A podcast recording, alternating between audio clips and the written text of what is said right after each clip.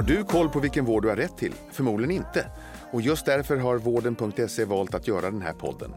Jag heter Mikael Sandström och är husdoktor i eh, podden Vårddjungeln. Jag får sällskap av andra experter inom vårdrelaterade ämnen och även gäster som berättar om sina sjukdomserfarenheter. Har du som lyssnar en fråga du vill ta upp i podden så mejla fragoratvarden.se. Med detta sagt önskar jag dig varmt välkommen till Vårddjungeln. Nu kör vi! Nu har vi tyvärr kommit fram mot mållinjen här på Vitalis på livepoddandet. Och eh, varmt välkomna till studion och eh, till alla ni som lyssnar på Vårddjungeln. Och nu ska vi prata om jämlik vård. Och eh, jag sitter nu och tittar på två experter som precis kommer från en paneldiskussion på det här ämnet tidigare här på Vitalis. Och med mig här så har jag Jennifer Grönqvist, innovationschef på Daja. Ja. Och Ja. så har vi Peter Martin, grundare av FunMed. Stämmer bra. Jättekul att ni vill vara med och knyta ihop säcken här med oss eh, på Vårddjungeln på Vitalis. Tack för den äran. Det Ja. tycker vi också. Men det, vad säger ni, ska vi bara kasta oss ut i ämnet direkt? Det gör vi. Vi Då- är redan i det. Ja, ni är redan i det. Men ska vi öppna upp då? Hur jämlik är vården i Sverige?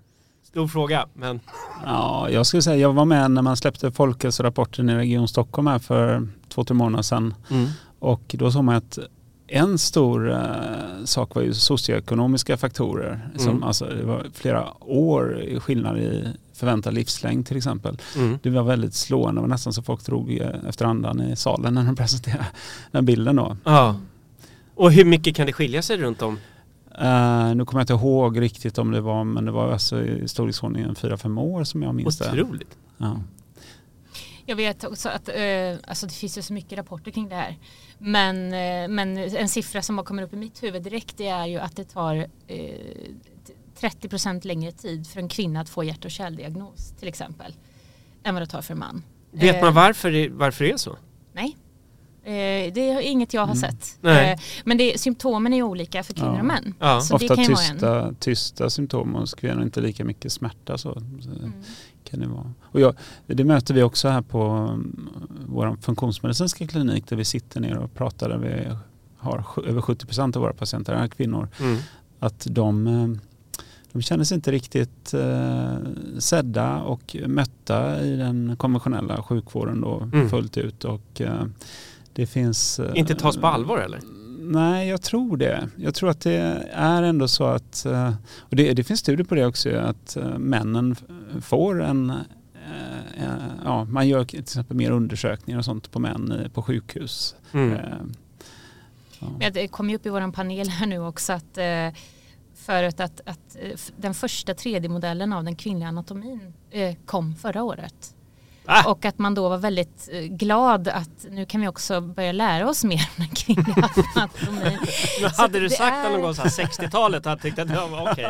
Men- Ja, nej, men det, vi, vi ligger efter och inte ens jag förstår det alla gånger, hur, hur långt efter vi är. Nej. Det är svårt att erkänna det för sig själv Mm. att det ser ut så. ja, det ser vi i läkemedelsforskning och sånt där också, medicinsk forskning överhuvudtaget. Att, Mm. eh, det är ju, den mesta forskningen har ju, ja, det finns en anledning till att man gör det på män. För jag menar, en man är ungefär som en eh, rockorkester liksom. Det är bas, trummor, gitarr och sång. Och en Mm. kvinna är ju som en symfoniorkester liksom. Det är ju lättare att studera en rockorkester än en symfoniorkester tänker jag då liksom. Mm. Och eh, kvinnor kan vara gravida och ska amma och, och sådär. Och då ska man inte kanske ge dem läkemedel i studier. Så man, man undersöker mycket friska eh, unga män, eh, framförallt i, när det gäller fas 1. Och läke- jag har ju sysslat 15 år med läkemedelsforskning så jag har varit inne i den här branschen. Då. Och, och, ja, och vi pratade även om det på den tidigare panelsamtalet vi hade. Att eh, till exempel dosering av läkemedel är kanske inte utprovade på kvinnor heller. Då. Och det är sånt som man inte ens pratar om eller, eller tänker så mycket på. Men de är inte det och, de är ju, och eftersom kvinnor har en prevalens för att få kroniska sjukdomar Mm. eh, som är högre än män och eh, ändå är ju läkemedlen utprovade eh, till största del på män. Mm. Eh, så det är klart att många kvinnor blir felmedicinerade. Vi pratade om varför är 70% av sjukskrivningarna idag kvinnor. Mm. Eh, och det kan finnas många faktorer. Det är arbetslivet, det är hemlivet men det är också kanske att eh, många blir feldiagnostiserade och övermedicinerade egentligen Mm. och felbehandlade som gör att de blir sjukare. Men är kvinnor överlag mer sjuka än män? Vad skulle ni Ehm, säga? Det beror ju på hur man vrider och vänder på det. Ja, men, ja. men enligt statistiken så är de ju 85% mer sjukskrivna än män. Mm. Eh, och Mm. sen så högre andel kvinnor har eh, kroniska sjukdomar, det är ju alla kroniska sjukdomar. Mm. Ehm, ja, Ja, det finns ju vissa cancersjukdomar och hjärt-kärlsjukdom och så som kanske drabbar män mer. skulle jag säga. Men, men visst, många, till exempel autoimmuna sjukdomar är ju kvinnor många gånger överrepresenterade och ett exempel är ju hypotyreos, eh, Mhm. sänkt eh, Köldkörtel. sköldkörtelsjukdom då. Ja. Där 500 000 människor i Sverige har en nedsatt funktion i sin sköldkörtel och måste ta sköldkörtelhormon, till exempel Mm. Levaxin är det vanligaste då. Mm. Och 82 procent av de 500 000 är kvinnor. Eh, och det är för mig helt oförståeligt att man inte forskar supermycket på det och försöker förstå varför händer detta? Mm. Det, det här kan, det, är- det är ju, Men- men- jag blir helt mållös när Ja, jag men tänker på det. spontant, liksom, vad, vad tror ni beror på att det borde ju rimligt att börja med den största patientgruppen, kan man tycka. Och va, men- Varför görs inte det då? Eh, eh, ja, nu ville du svara här. Ja, Men, ja. Ja, ja, man kan ju tycka att det här borde vara väldigt logiskt. Vi, Ja. vi ser de här dramatiska graferna av att vi kommer ha en åldrande befolkning som är enorm Mm. om 20 år, 10, 20, 30 år.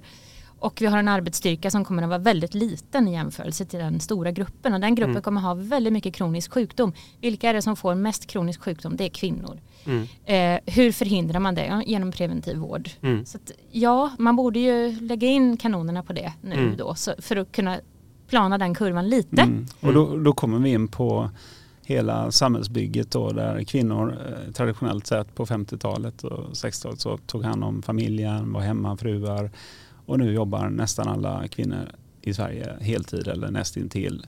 Och vi har inte fått en total förskjutning av ansvaret för eh, familj och hem och sånt. Mm. Så att den där stressen, jag tror dels att kvinnor tar ett större ansvar men svårare helt enkelt att bara ja, eh, skita i saker faktiskt om man ska tala Mm. klarspråk. Mm. Mm. Eh, och hela tiden, det gnager liksom i dem, det här stora ansvaret.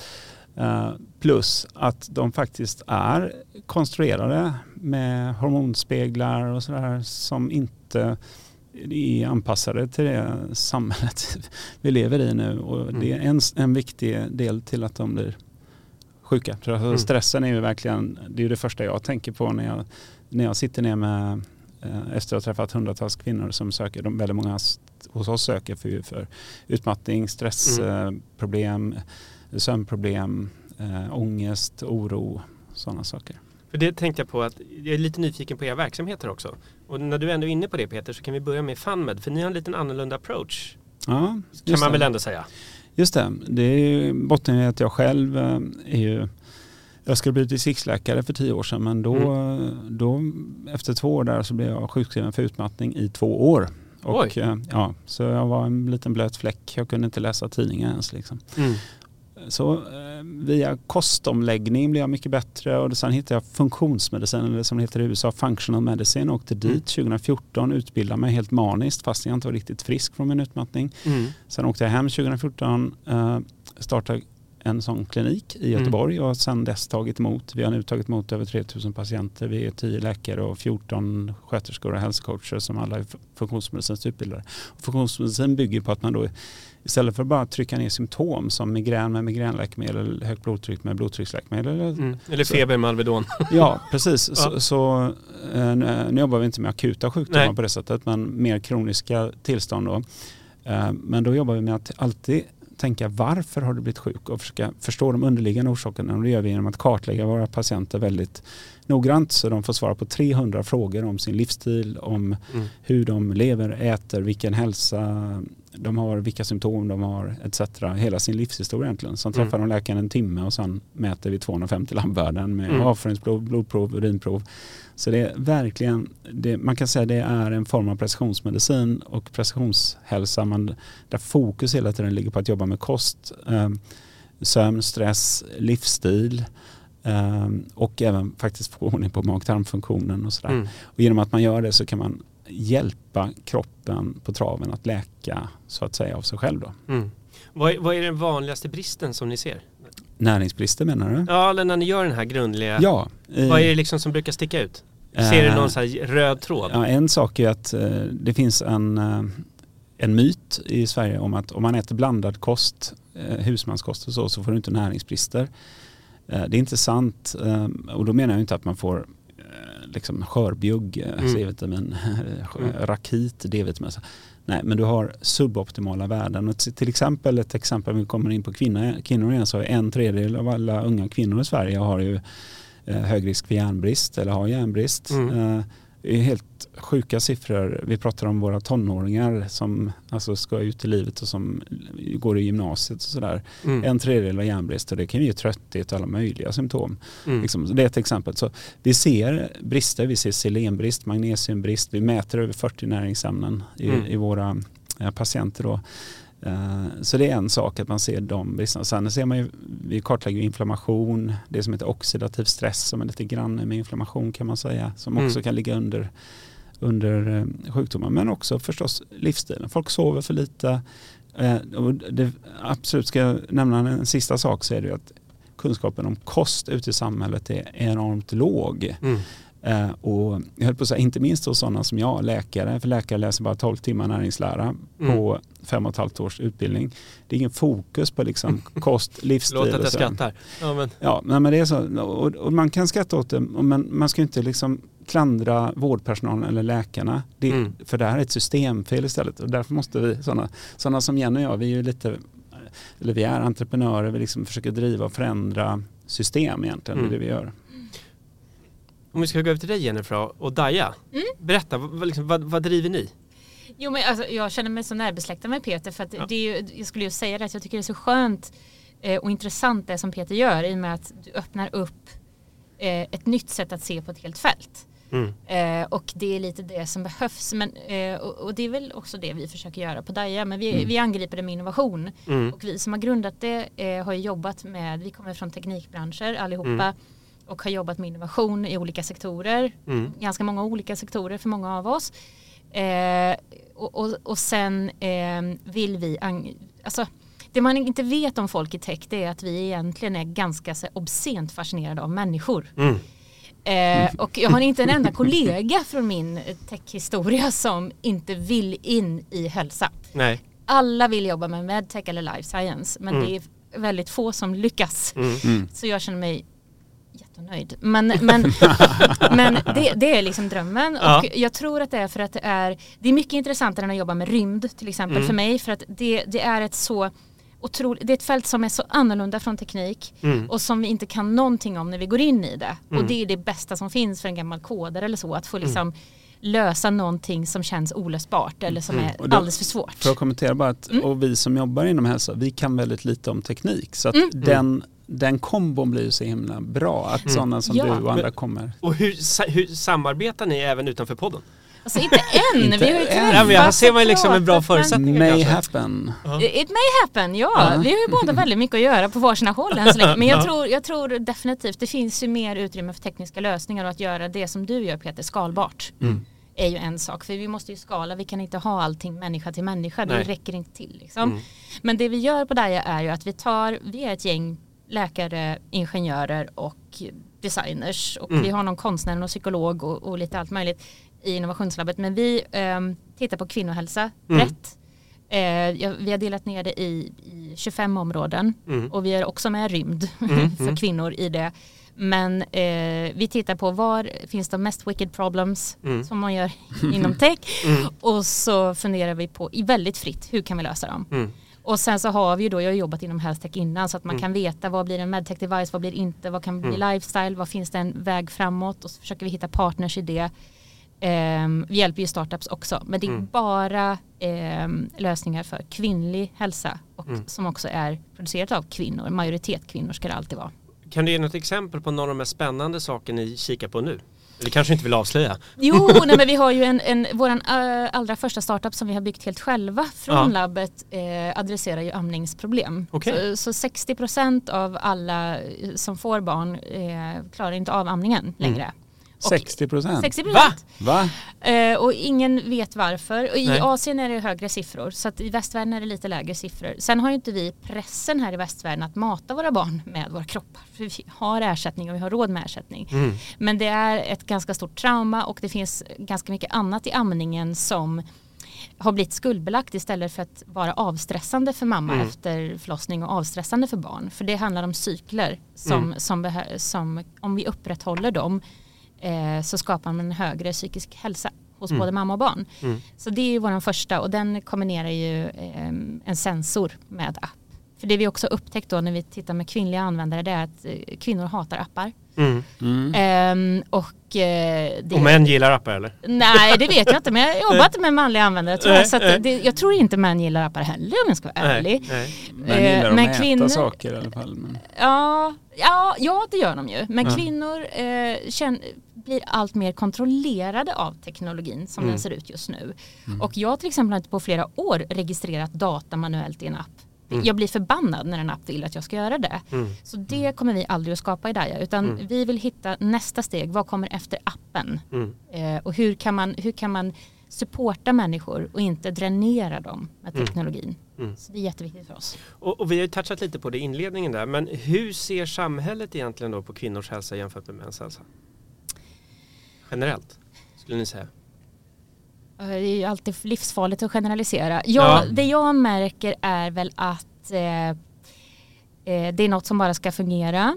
Eh, jag, jag, när jag pratar om kvinnlig hälsa så, så är det ofta, det sa jag till dig häromdagen, eller på din tråd Peter, att eh, det är alltid en man som kommer och vill prata om mäns hälsa. Men männen då? Men männen då? Mm. Och det är självklart att vi också måste titta på män. Det handlar ju om precisionsmedicin det här. Det Mm, handlar ju om mm, att bryta mm. ner det i, nya grupp, grupperingar och titta på datan på nya sätt. Mm. Eh, Det finns ingen som vill polarisera och säga att någon annans hälsa inte spelar roll. Men vi måste få tillåtelse att titta på kvinnlig hälsa mycket noggrannare än vi gör idag. Mm. Jag tycker att det, det blir tydligt i våra diskussioner att den nonchaleras ganska ofta, från, också Mm. från vården själv Mm. Mm. faktiskt. Mm. Och man kan ju se på graviditet och förlossning bara där eh, kan man ju se att smärta ska liksom ingå. Mm. Vilket jag, jag kommer aldrig acceptera att någon ska ha så ont på 2020-talet. Jag förstår inte varför det är konstruktivt.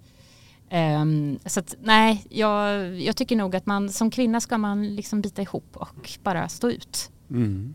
Men med risk för att sparka in öppna dörrar här nu då. Mm.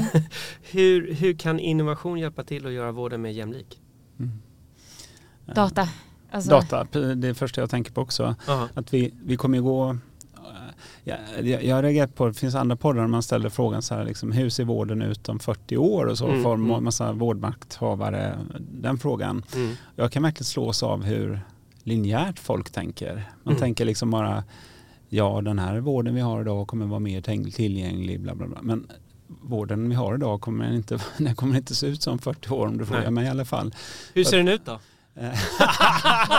ja, där nu ska du få Den veta Staffan. Ja, den där gick det rakt in i. Nu ska du få veta. nej, nej, men jag, jag tror verkligen, eh, men vi människor kan ju inte tänka i exponentiella förlopp. Liksom. Vi är inte gjorda för det. Nej. Men, men eh, det är bara att se vad som händer nu. Det är ju inte så att AI kommer komma. AI är här. eh, Bara senaste halvåret har det ju exploderat. Alltså. Mm. Och den, en- denna som kan eh, som kan eh, hämma det, det är ju det regulatoriska som släpar efter och skall släppa efter men, men Mm. måste ju jobba på nu liksom. För att eh, jag tänker ju att eh, det kommer vara dig- digital first hela tiden. Allting Mm. kommer ske digitalt. Det kommer mycket mer bärbart, fjärrmonitorering av saker. Eh, det här är sånt som alla visionärer pratar om så det är inget, inget Nej. konstigt med det. Men jag tänker också att vi med det sättet som jag jobbar så har vi ju så här 600 datapunkter och ännu mer kring vår, varje patient. Liksom. Mm. Och jag, när man kopplar på AI på det så får du en diagnostisk kraft som är helt orimligt bra. Mm. Liksom. Och sen kan, du mäta det med, koppla ihop det med olika, vi pratar ju nu om de här ringarna och klockorna och sånt. Som Mm, mäter, mm. Men, men ännu mera sådana saker som kan registrera EKG och allt, allt möjligt, Mm. blodsocker.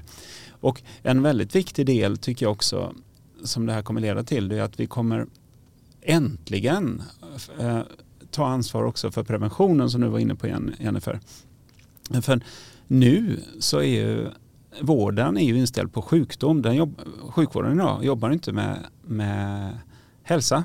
Nej. Den, den är sjukvårds, sjukdomsorienterad och många av våra patienter får höra det. Eh, Berätta för mig att de har varit på vårdcentralen, de har tagit eh, 20 blodprover och blivit undersökta och så får de höra att eh, vi hittar inget fel, kom tillbaka när du känner dig sjukare. Mm. Ja men jag mår ju jättedåligt. Eh, Mm. så. Men det beror på att man, man har inte perspektivet att leta efter tidiga förändringar heller i, alltså folk kan ju vara på väg mot diabetes, eh, Mm. ha prediabetes i tio år och ingen upptäcker det. Mm. Fastän det hade varit hur lätt som helst att upptäcka det. det är, Om man bara vet vad man ska leta efter? ja, det är, inte, det är ju så långt från rocket science som, alltså Ja. det är bara att mäta eh, alltså sånt som blodsocker och fastinsulin och sådana HbA1c och så. Mm. Och det där borde ju ske på bredden i befolkningen och jag tror att mättekniken kommer också förbättras otroligt mycket. Det, det kommer inte kosta någonting att mäta saker här eh, framöver och det kommer finnas tillgängligt till och med i hemmet och överallt i Mm. samhället Mm. eller i bärbara monitorer. Och då kan man använda det. Så att jag vill ju få dig Staffan att förstå var är du på den här eh, skalan från Mm. noll till eh, sjukdom och död. Liksom. Mm. Du är på något Mm. kontinuum där. Var är du just nu? Liksom? Mm. Du vet Mm. kanske inte det för då har ingen aning ingen har hjälpt dig att ta ansvar för det. Eller, Mm.